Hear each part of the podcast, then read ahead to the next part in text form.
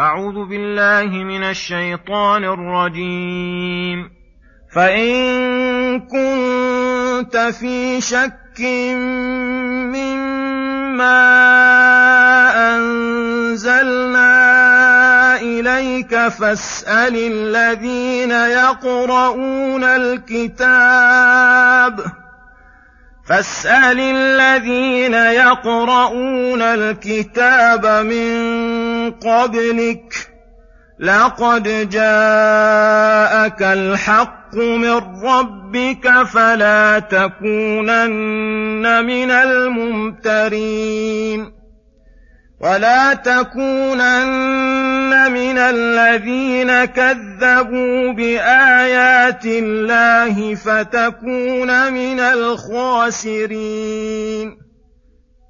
إن الذين حقت عليهم كلمة ربك لا يؤمنون ولو جاءتهم كل آية حتى يروا العذاب الأليم فلولا كانت قرية آمنت فنفعها إيمانها إلا قوم يونس إلا قوم يونس لما آمنوا كشفنا عنهم عذاب الخزي في الحياة الدنيا ومت متعناهم إلى حين. بسم الله الرحمن الرحيم. السلام عليكم ورحمة الله وبركاته. يقول الله سبحانه فإن كنت في شك مما أنزلنا إليك فاسأل الذين يقرؤون الكتاب من قبلك لقد جاءك الحق من ربك. الآيات. يقول تعالى النبي محمد صلى الله عليه وسلم فإن كنت في شك مما أنزلنا إليك هل هو صحيح أم غير صحيح؟ فاسأل الذين يقرؤون الكتاب من قبلك أي اسأل أهل الكتب المنصفين والعلماء الراسخين فإنهم سيقرون لك بصدق ما أخبرت به وموافقته لما معهم. فإن قيل إن كثيرا من الكتاب من اليهود والنصارى بل ربما كان أكثرهم ومعظمهم كذبوا رسول الله وعاندوه وردوا عليه دعوته. الله تعالى أمر رسوله أن يستشهد بهم وجعل شهادتهم حجة لما جاء به. وبرهانا على صدقه فكيف يكون ذلك؟ فالجواب عن هذا من عدة أوجه. منها أن الشهادة إذا أضيفت إلى طائفة أو أهل مذهب أو بلد ونحوهم فإنها إنما تتناول العدول الصادقين منهم. وأما من عداهم فلو كانوا أكثر من غيرهم فلا عبرة فيهم لأن الشهادة مبنية على العدالة والصدق فقد حصل ذلك بإيمان كثير من أحبارهم الربانيين كعبد الله بن سلام وأصحابه وكثير من أسلم في وقت النبي صلى الله عليه وسلم وخلفائه ومن بعدهم. ومنها أن شهادة الكتاب للرسول مبينة على كتاب مبنية على كتابهم التوراة الذي ينتسب إليه. فإذا كان موجودا في التوراة ما يوافق القرآن ويصدقه ويشهد له بالصحة فلو اتفقوا من أولهم لآخرهم على إنكار ذلك لم يقدح بما جاء به الرسول. ومنها أن الله تعالى أمر رسوله أن يستشهد بها الكتاب على صحة ما جاءه وظهر ذلك وأعلنه على رؤوس الأشهاد. ومن المعلوم أن كثيرا منهم من أحرص الناس على إبطال الدعوة الرسول محمد صلى الله عليه وسلم. فلو كان عندهم ما يرد ما ذكره الله لأبدوه وأظهروه وبينوه. فلما لم يكن شيء من ذلك كان عدم رد المعادي وإقرار المستجيب من أدل الأدلة على صحة هذا القرآن وصدقه.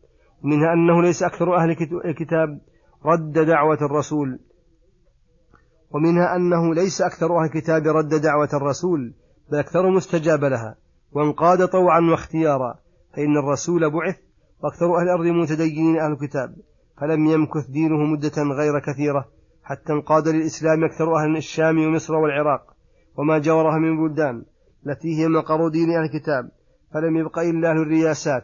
الذين آثروا الرياسات مع الحق ومن تبعهم من العوام الجهلة ومن تدين بدينهم اسما لا معنى كالإفرنج الذين حقيقة أمرهم أنهم دهرية منحلون عن جميع أديان الرسل إنما انتسبوا للدين المسيحي ترويجا لملكهم وتمويها لباطلهم كما يعرف ذلك من عرف أحوالهم البينة الظاهرة. وقوله لقد جاءك الحق أي الذي لا شك فيه بوجه من الوجوه من ربك فلا تكونن من الممترين. كقوله تعالى كتاب أنزلناه إليك فلا يكن في صدرك حرج. ولا تكونن من الذين كذبوا بآيات الله فتكون من الخاسرين. وحاصل هذا أن الله نهى عن شيئين الشك في هذا القرآن والامتراء منه وأشد من ذلك التكذيب به وهو آيات الله البينات التي لا تقبل التكذيب بوجه فرتب على هذا الخسار وهو عدم الربح أصلا وذلك بفوات الثواب في الدنيا والآخرة وحصول العقاب في الدنيا والآخرة والنهي عن الشيء أمر بضده. فيكون أمرا بالتصديق التام بالقرآن وطمأنينة القلب إليه والإقبال عليه علما وعملا. فبذلك يكون العبد من الرابحين الذين أدركوا أجل المطالب وأفضل الرغائب وأتم المناقب وانتفى عنهم الخسار. ثم يقول سبحانه إن الذين حقت عليهم كلمة ربك لا يؤمنون ولو جاءتهم كل آية حتى يروا العذاب الأليم. يقول تعالى إن الذين حقت عليهم كلمة ربك أي إنهم من الضالين الغاوين أهل النار لا بد أن يصيروا إلى ما قدره الله وقضاه فلا يؤمنون ولو جاءتهم كل آية فلا تزيدهم الآيات إلا طغيانا وغيا إلى غيهم. وما ظلمهم الله ولكن ظلموا أنفسهم بردهم للحق. لما جاءهم أول مرة فعاقبهم الله بأن طبع على قلوبهم وأسماعهم وأبصارهم. فلا يؤمنوا حتى يروا العذاب الأليم الذي وعدوا به فحينئذ يعلمون حق اليقين أن ما هم عليه هو الضلال وأن ما جاءتهم به الرسل هو الحق. ولكن في وقت لا يجدي عليهم ولكن في وقت لا يجدي عليهم إيمانهم شيئا. فيومئذ لا ينفع الذين ظلموا معذرتهم ولا هم يستعتبون. وأما الآيات إنها تنفع من له قلب أو ألقى السمع وهو شهيد. ثم يقول سبحانه فلولا كانت قرية آمنت فنفعها إيمانها إلا قوم يونس لما آمنوا كشفنا عنهم عذاب الخزي في الحياة الدنيا ومتعناهم إلى حين. يقول تعالى فلولا كانت قرية من القرى المكذبين آمنت حين رأت العذاب فنفعها إيمانها أي لم يكن منهم أحد انتفع بإيمانه حين رأى العذاب كما قال تعالى عن فرعون ما تقدم قريبا لما قال آمنت أنه لا إله إلا الذي آمنت به بنو إسرائيل وأنا من المسلمين. فقيل له الآن وقد عصيت قبل وكنت من المفسدين. وكما قال تعالى فلما جاءهم بأسنا قالوا آمنا بالله وحده. فكفرنا بما كنا به مشركين فلم يك ينفعهم إيمانهم لما رأوا بأسنا سنة الله التي قد خلت في عباده. وقال تعالى حتى إذا جاء أحدهم الموت قال رب ارجعوني لعلي أعمل صالحا فيما تركت. كلا. والحكمة في هذا ظاهرة. فإن الإيمان اضطراري. فإن الإيمان الاضطراري ليس بإيمان حقيقة.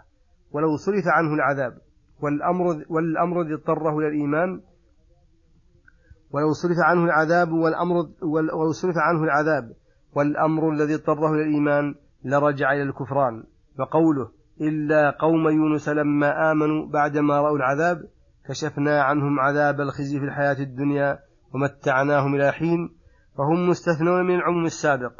ولا بد لذلك من حكمة لعالم الغيب والشهادة لم تصل إلينا ولم تدركها أفهامنا.